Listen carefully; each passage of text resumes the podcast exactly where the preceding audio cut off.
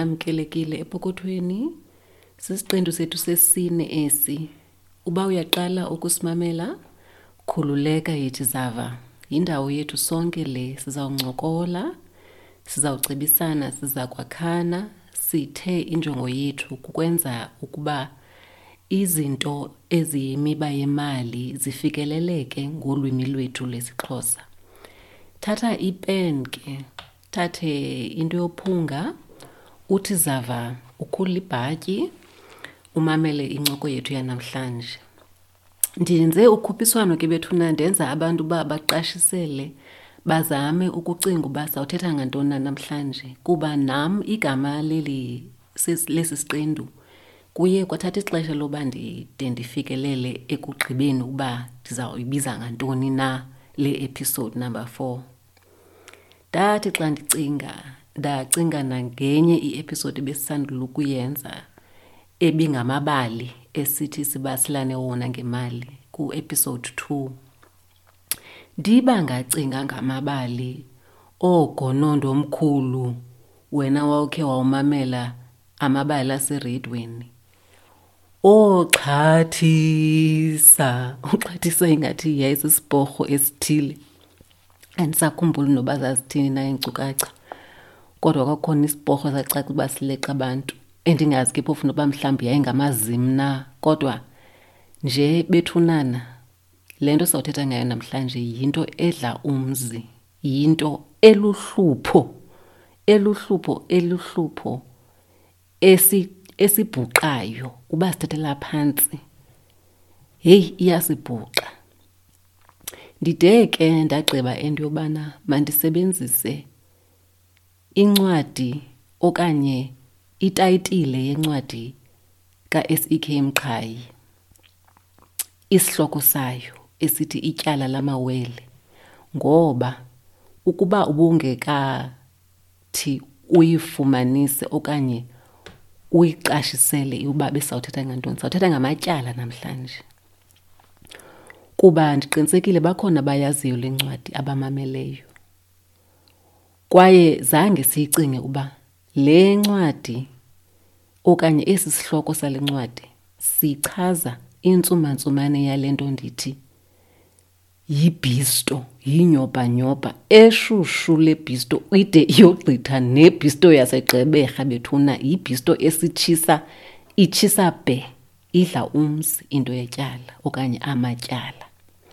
Futhi ayikhethi noba ufundile noba ufundanga ide futhi ndenzele intliziyo ebuhlungu kakhulu kuba amanye amaqumrhu nezinye iinkampani zide zibaxhaphaza abantu bethu kuba kaloku babade babhataliswe nenzala okanye i-interest enkulu enkulu ede igqithe kwesemthethweni we-National Credit Act.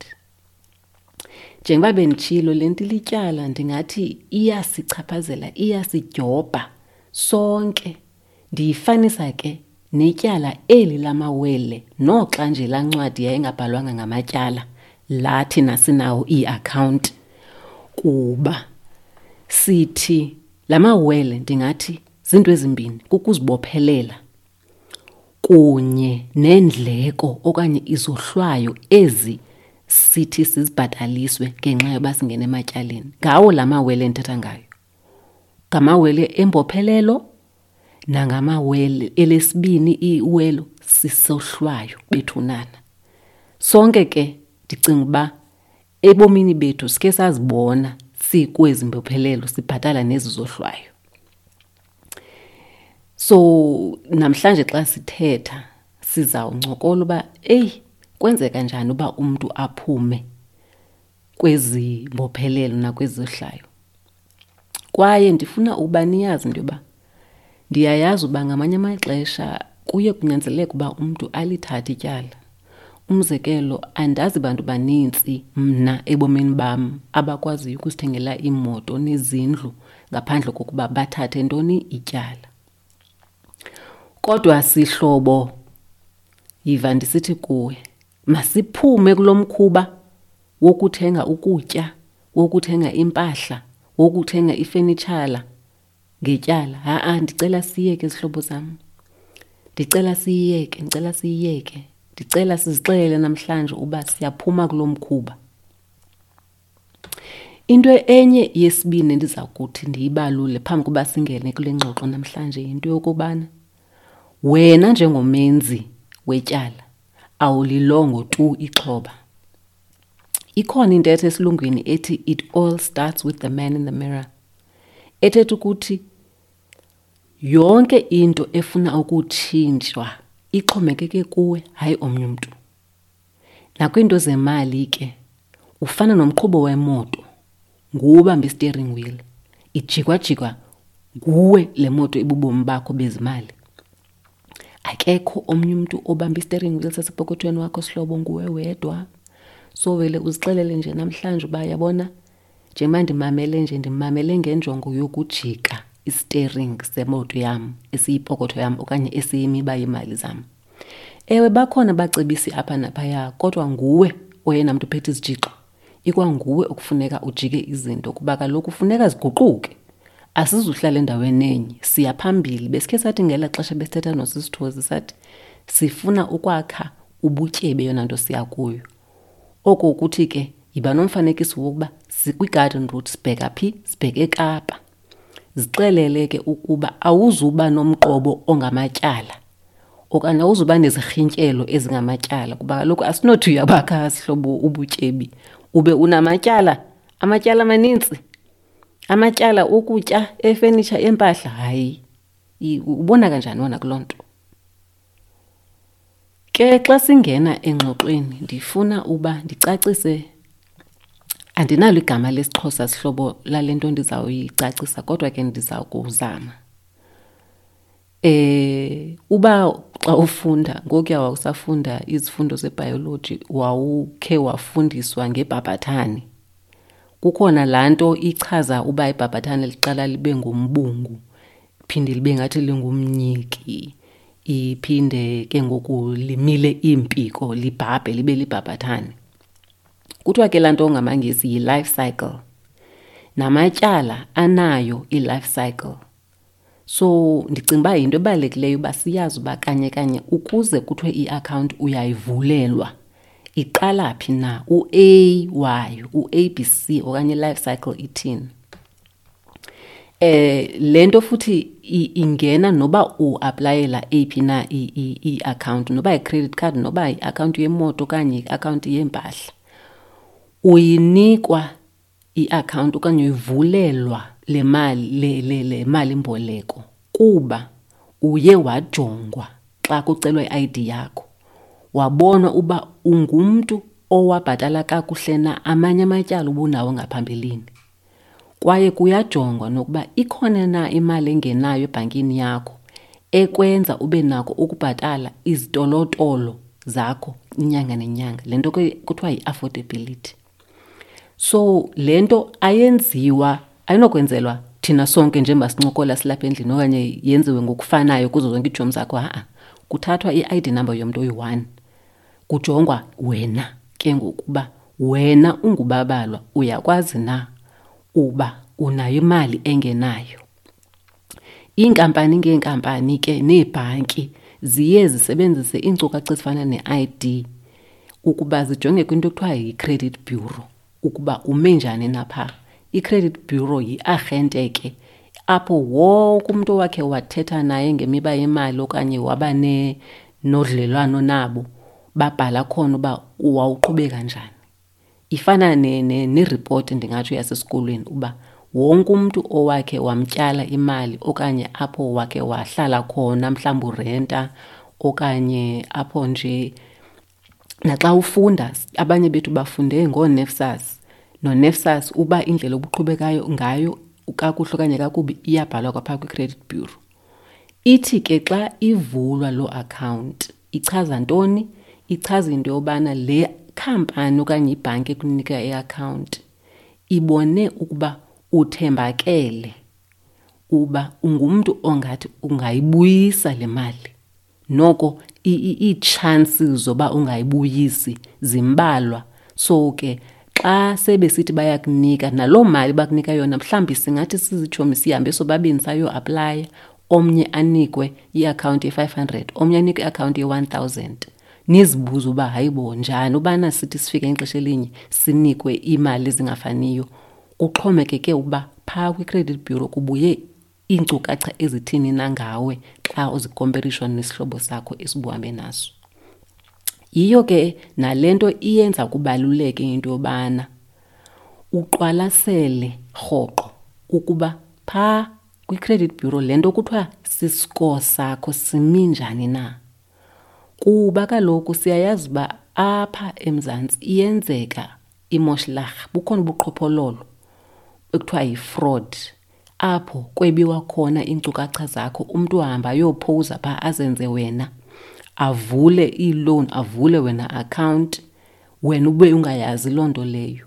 Uthi ngenye imini xa ke ngoku nyhani masithi sewufuna uthenga indlu sewuyoaplaya ufika phaa kuthiwa heyi awumanga kakuhle ubolile. Kuba kaloku iinkcukacha zakho zathathwa ngubani othile ongamaziyo wayokwenza ubuqhophololo wayovula wagqiba wangabhatali. So ke iyafuneka into yokubana uziqhelanise noGoogle zikhona phaa iinkampani andizuzibiza apha amagama azo. Undikrwecele ecaleni undibhalele undibuze ndiza kuxelela eziye ndizisebenzise. Okwaziyo uthi ubhalitse kuzo zenza fele fele into yobana inyanga nenyanga zikubonakalisele intoni? Ukuba ume njani na. Laa nto ke iya kunceda ubana uthi xa ucinga uba ngenye imini uzayoboleka imali mhlawumbi uzawuthenga into enkulu efana nendlu okanye efana nemoto ngoba zihlobo sesitshilo sesitshilo uba uh, amatyala esizawuvula ngoku asizuvula amatyala eempahla ukutya sawuvula la matyala eento ezibonakalayo hm? izindlu iimoto andithi sithe sifuna ke ngokuhlala sikhanyiselwe uba sithini na injani nemeko yethu uyakwazi ke ukubona iinkcukacha ezi zizawukrotywa ziibhanki naziinkampani uzibonele kwi-credit bureau ngokwakho. Eh xa ndizawuqhubeleka ndisachaza le life cycle ndifuna uba sikhumbule uba iakhawunti yimali mboleko akuyiyo eyakho. Bethuna ndiyithethiswa le nto kubana iba khona laa ngqondo ngamanye amaxesha. Umzekelo uve umntu esithi he ndimhle evenkileni ethile okanye ndine-buying slip ekunga e, ngongathi yimali ephisayo le ayiphisi imali xa uvula iakhawunti sihlobo ayiphisi yimali imboleko ndiyafuna uba uthi noba ubuyazi le nto ndiyigxininise uba iyimali mboleko nje izawufika yona imini yoba kufuneka ibuyiswe. Futhi ke xa sele ibuyisa izawufuneka kunye nenzala okanye intela okanye interest yayo. Kwaye kwamanye amaqumrhu iba nazo nezinye izohlwayo ii-charges. Nditsho nokuba sebebiza amagama angathi awazi oo-revolving credit oo-revolving loan i-overdraft uthi uyabona kwistatement sakho kukho imali enkulu available balance. Uthi mhlawumbi uyazazi wena noba uburhola i-hundred rand yakho okanye i-thousand rand yakho uthi gqi kuthiwa kukho i-available balance engaphezulu kwale uyayazi ayoyakho le ngaphezulu ayoyakho yakho ngaphezulu yeyapha ebhankini. Ayoyakho yimali abakuboleke yona. Ekuzawuthi xa kungena imali kwakhona kuqale bona bazibhatale. Kwenzela uba yenzeke ithini loo nto leyo? Uzawusoloko umane useyela useyela kuba awuzuyibona uba ingenaphi le yakho imali. Bethuna sisaqhubeka sichaza eli bhabhathane okanye le life cycle kuthiwa yi-account. Kuthiwe ke ngoku ipasile i-application yakho ivuliwe i-account. Unikwe ke ikhadi kumnandi umnike ikhadi elo uzawulungisela uthenga loo nto ubufuna uyithenga. Ethubeni kufika istatement esichaza uba yimalini efunekayo yesitolotolo ekupheleni kwenyanga. Iiakhawunti ezifana nee-credit card ke uyinikwe mhlawumbi into ephaa kwiintsuku ezi-55 ngaphandle kwenzala. Athi ke amangesi use apho usekwi-first cycle due eh eli xesha lichaza into yobana noko sengumjikelo wokuqala wesitolotolo bade bayikhumsha abanye bathi your account is in order. Mhlawumbi xa kungekafiki elaa xesha lokubhatala isitolotolo okanye ubhatale isitolotolo sokuqala bathi bathi hayi kuse-in order. Ku-in order ntoni? Kuba kaloku alikapheli eli tyala. Yabona uba sikwa ilwimi olu lisetyenziswayo luyasikhohlisa lusenze sicinga uba le mali ayomali yemboleko. Masithi ke kuvela ingxaki mhlawumbi ungakwazi usibhatala isitolotolo sesiqalo sokuqala okanye sesibini. Ithetha ke ngokuba sewufakelwe izibags wena phaa ebhankini. Sewujongwa uba he lo mntu besicinga simthembile. Kwenzeka ntoni ngoku? Sinika isayini yobana mhlawumbi angangathembakali. Eh umane ukhunjuza umane ukhunjuza umane ubona kungena i-SMS mhlawumbi xa kudlula inyanga yesibini yesithathu ubone uba sekufowunelwa nasekhaya mhlawumbi okanye kwisihlobo ububhalise uba ngumntu ongahlali nawo.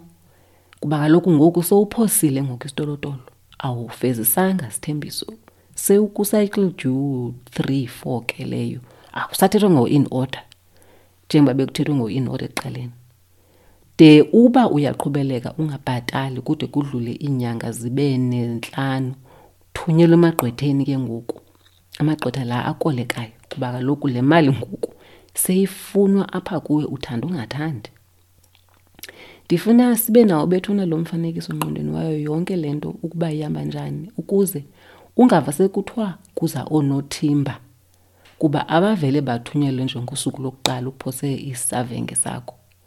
Xa bethunywa bezothimba kuzuke sekuzanywe bonko nako nako ukuze wena njengecustomer ubhatale. Xa ubhatala kakuhle okanye usilela yonke loo nto leyo khumbula uba besithe ibhalwa kwelaa report kuthiwa yi-credit bureau. Eli qumrhu besithe ligcina zonke iinkcukacha zabantu abanamatyala apha emzantsi afrika.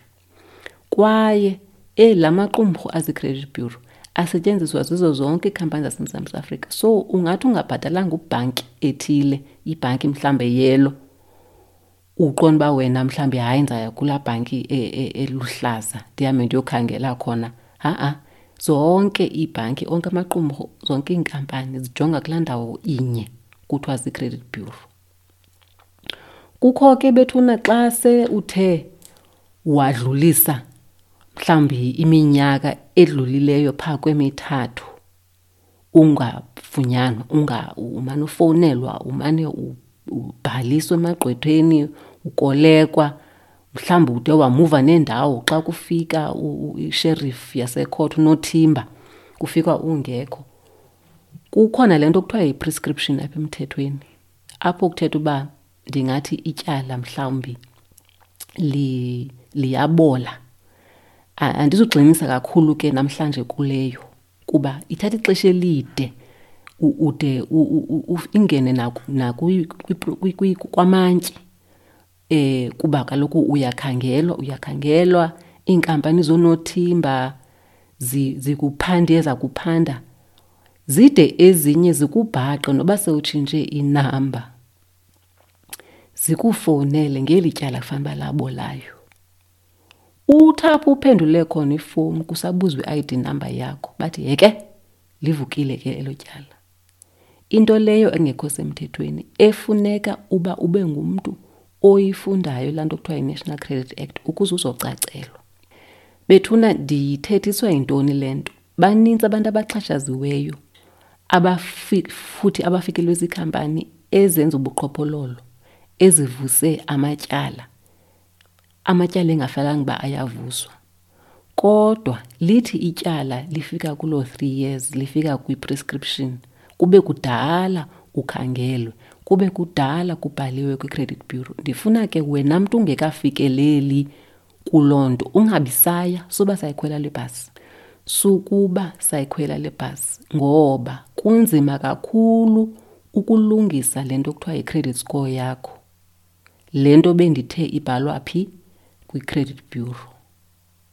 Bethuna suba sakhwela suba sakhwela kuloo bhasi sihlobo suba sakhwela ngoba kaloku ityala elinye lingakuthintela kwiphupho lakho. Xa sewusithi ke ngoku ulungile uyalungisa ufuna uthenga imoto okanye indlu suba sayikhwela into yokubana ungabhatali amatyala. Zama kangangoko besikhe sathi kwesaa siqendu besithetha nonqaba kuso sesithathu sathi uyakwazi nokuzithethelela bethuna iibhanki iinkampani zinazo iinkonzo zokuncedisana nabantu abasengxakini. Awudingi nokuba kwixesha elininzi ude uye kumcebisi wabucala. Uyakwazi uthetha nabantu abo ubatyalayo uchaze into yobana mhlawumbi ndiphelelwe ngumsebenzi okanye kukhona ubunzima endisajongajongene nabo. Andikwazi ukuthini? Ukubhatala. Ndicela nindincede ngamacebo uya phaa sewuyibhalile ilisti yakho sewuneplan sewuzawuthethathethana nabo. Kwaye ndiyagxininisa kweli cebiso lithi yiba ngumntu oyaziyo i-credit score yakho yiba ngumntu obhalisileyo kula maqumrhu afumaneka felefele phaa kugoogle ekuthiwa zii-credit bureau obhalise kuwo ukwenzela uba rhuqo ngenyanga ujonge ubone simahla ukuba imeko yakho ime njani na iya kunceda kakhulu ke loo nto leyo noba umntu angazama ukwenza ubuqhophololo uba ukhawuleze uzibhaqele ngokunokwakho. Kuba ngawam amava kululutho kakhulu ukukroba ukuba wena umi njani na ukrobe ngokunokwakho. Ungekabi nengxaki ezawufuna ukuboleka imali ungekabi nayo tulo ngxaki leyo. Uzijonge kwenzela uba wena umntu uyinkosi ukuzazi so kuyafuneka into yobana uhlale uyazi imeko yakho uba ithini na. Xa ndizawuqhubeleka ke zihlobo zam khona into nje eziyi-seven endifuna into yobana ndithi sizawuziyeka uba asikaziqali okanye asizuba saziqala uba asikaziqali. Hayi ndiyathemba uba ke ipeni yakho ne okanye ipensili nenotebook yakho uziphethe into yokuqala esizawuyeka okanye singazuyiqala bethuna kukubolekana imali sizizalana sizizihlobo. And ndiyayazi uba kaloku xa isihlobo okanye isalwane sizoboleka imali zuke sisengxakini nawe ucinga uba ubethunana mandiboleke mandincede apha nantsi into mandihlangule. Heyi ingabi sabimbi ke ngoku into yobana xa sewukhumbula umzala okanye isihlobo sakho sasenyongweni awusamkhumbuli ukuba umkhumbula. Sewucinga laa mali yakho. Xa sekukhona isici nimenyiwe kunye sewugxelesha ngoku awusajongi awusabulisi nakamnandi akusekho mandi emoyeni ukuba kaloku ungulaa mntu wena unemali akutyala yona. Mna ke andikwazi nokureyita andazi uba nina niyakwazi noreyita yabona xa sekukwazi ngoku ungakwazi gxebe ukuthetha nesihlobo okanye isizalwane kuba kaloku ufuneka ureyite ayisemnandanga loo nto. Iqhawula ubudlelwane. So mna bethuna elam icebiso kukubana xa umntu esengxakini esiza kuwe ngengxaki yemali ukuba awukwazi ukuyilibala le mali ayicelayo awukwazi ukumnika imali oqonda uba noba ingangabuyi awunomgxelesha xa umbona esicini uba awukwazi unikisa ngemali kanjalo. Uyaqonda uba yeyi nam le mali ndiyixakekele kungcono uvele ungayiboleki isihlobo ungasiboleki imali okanye isizalwane.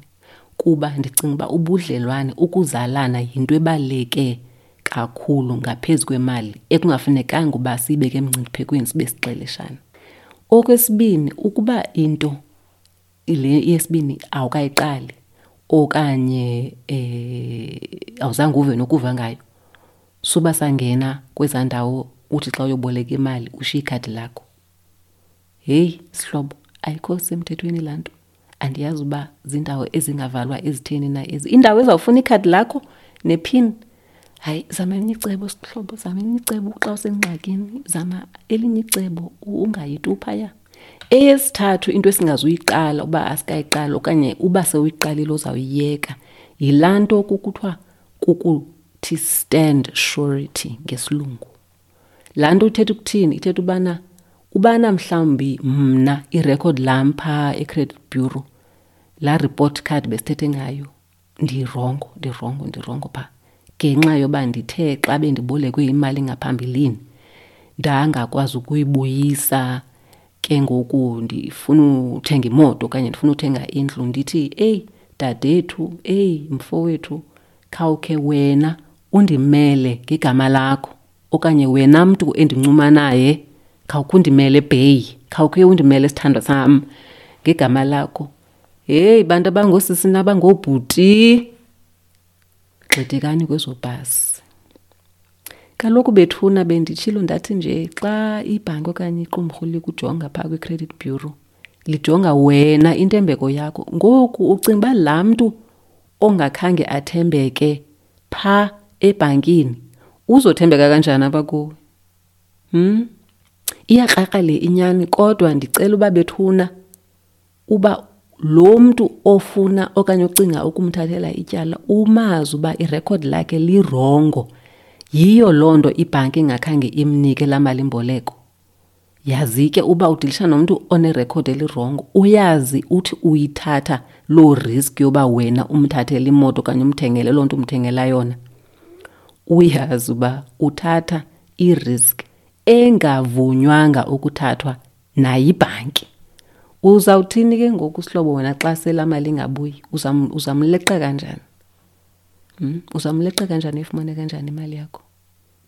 So mna ndiyacebisa uba ungabisangena kula mcimbi weshoriti ungamthengeli omnye umntu ngetyala.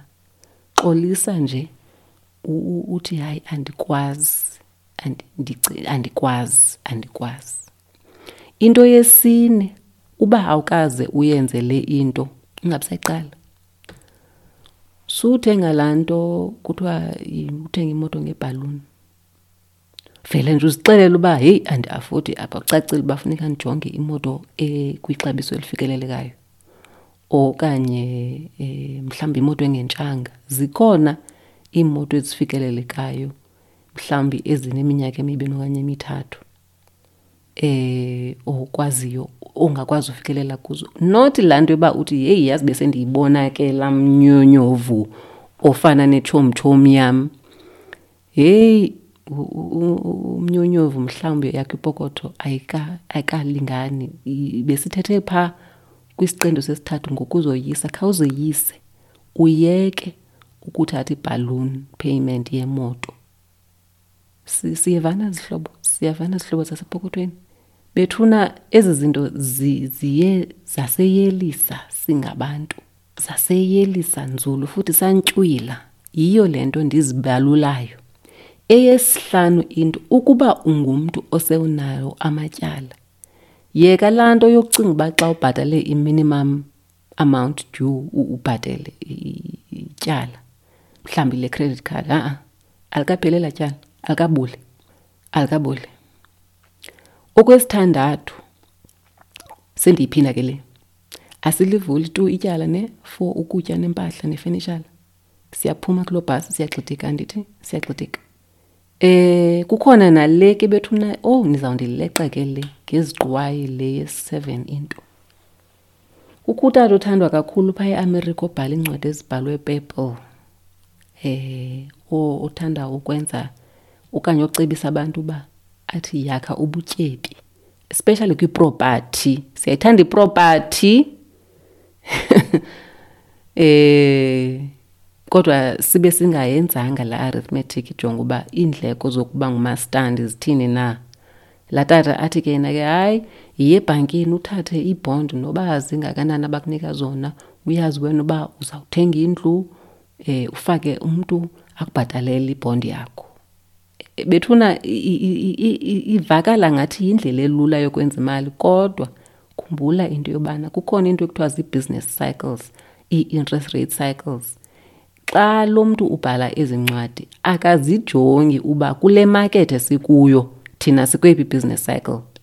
Sikule nto kuthiwa i-recession okanye sikwibhoom sikwephi kanye kanye i-business cycle. Nawundixelela zihlobo zam andinawo amagama esixhosa. Khanindicebiseni amagama e-business cycle ne-interest rate cycle bethuna.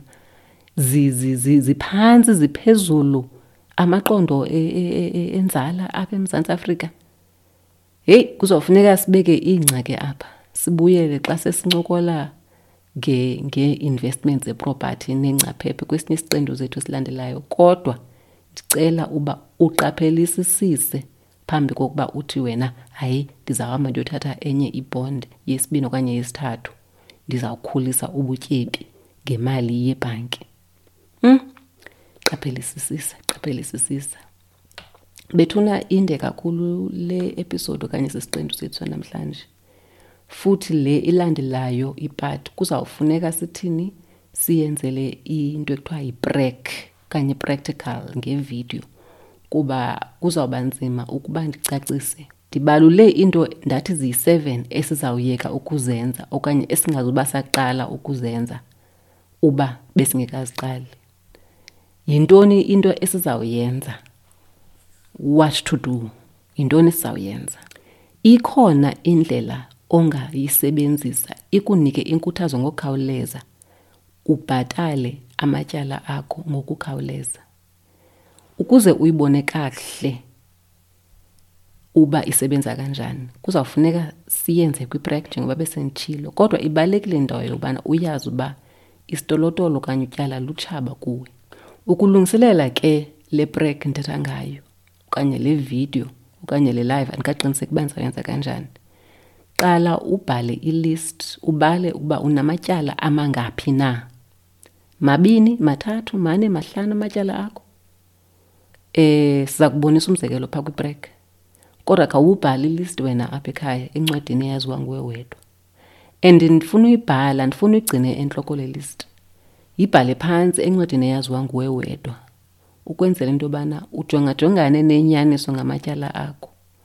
Ndicinga uba sistep sokuqala esi uba qala uliste ngelincinci ude uyofikelela kweli phezulu ityala lakho kwelikhulu. Wenze iikholam ezintathu enye ibe yeyebhalansi enye ibe yisitolotolo kwakune nenzala i-interest rate ngamanye amagama. Ungahlala wena xa ujonga mhlawumbi uzicingela ukuba awubhali phantsi uqonda uba ye hayi kodwa ke ityala yinto esiphila nayo sonke. Wonke umntu unalo ityala. Kodwa sihlobo namhlanje ndifuna ukukhuthaza ndithi wena unyanzelekanga uba ufane naye wonke omnye umntu uba uzimisele ungakwazi ukuba uzixelele uzawuphuma etyaleni. Ngeyingakanani futhi imali yakho engeyikhula ubungenazo izitolotolo okanye zaveke. kwaye khumbula le nto kuthiwa luphindaphindwano lwenzala i-compound interest. Kaloku xa ungumntu osetyaleni ikuchasile wena uh, iyakutyabula ayikusebenzeli. So ke sizawuthetha ngale ngale ndlela ndithi iyakwazi ukukukhuthaza uba ubhatale amatyala akho ngokuqala kwelincinci ukuze ukhawuleze ukuzinike laa mzwa wobana tyhini ikhona into eshukumayo. Noba yiloo nto kuba kaloku yiyo loo nto eza kunikeza iboost xa uteklisha la matyala akho. Kuba xa lipheli lokuqala uzawulandelisa ngelesibini usebenzisa la mali ububhatala ngayo ile lokuqala eh ethe uzawuthi uzawuchatha uthi kratya ukwenza uba uzicuthele kwi-interest. Laa nto bendithe masiyeke ubhatale minimum amount due kuphela. Uzawubona nawe xa sowugqiba ubhatala amabini mathathu uba ube neempiko uzive unalaa nto ithi tshini ndiyaqhubeleka mosikhona noko inkqubela phambili apha. Kungekudala uzawubona sewagqibela amatyala akho. Xa ke ugqibile futhi uyakwazi uzixelela uba soze uphinde ube nalo ityala elingelilo landlu okanye imoto. Uzawucima sihlobo uzawucima. Kwaye xa sisenza lo mzekelo weprek sizawuthetha nangamatyala akwasazi uba kungcono uqale ngawaphi na kula evenkile okanye uqale ngosazi. Uba njengoba nje uyazibuza uba tyhini uba baluthi izawuvela phi le mali ngoba kaloku akukho nomtyhi akukho nespace sokunyakaza. Ndizawuyithini nale nto? Khawube ucinga usabhala njalo kwiloo list yakho uba xa ujongile yintoni na ongakwazi ukuyithengisa ukuze ungenise imali okanye leliphi itorho onokwazi ulenza. Ungumntu onemoto ubuyazi into yobana phaa koo-mr delivery kwezinye iindawo a lot kuyakwazi ufumaneka amatorho okungenisa imali. Ndenza umzekelo bethuna. Ndenza umzekelo. Kuba kaloku heyi ixheshekile le ndaba yokuguqula ubomi bakho. Kuyafuneka uba ubone ubusebenzela phi. Kuyafuneka uba uphume etyaleni uphume kukubopheleleka nakumakhamandela oxinzelelo olwenziwa ngamatyala kuba kaloku ngeke ude ufike kule nto besithi sizawukwakha ubutyebi ukuba apha unezinaphungelana zamatyala. Eh isixhosa sithi amaninzi ngawetyala bethuna makhe sibeke ingca okwangoku side sibonane kulaa prek bendithethe ngayo. Sizofaka ividiyo okanye senze ilive kumacwecwe ethu akufacebook no-instagram. Masibonane kwixesha elizayo sihlobo. Enkosi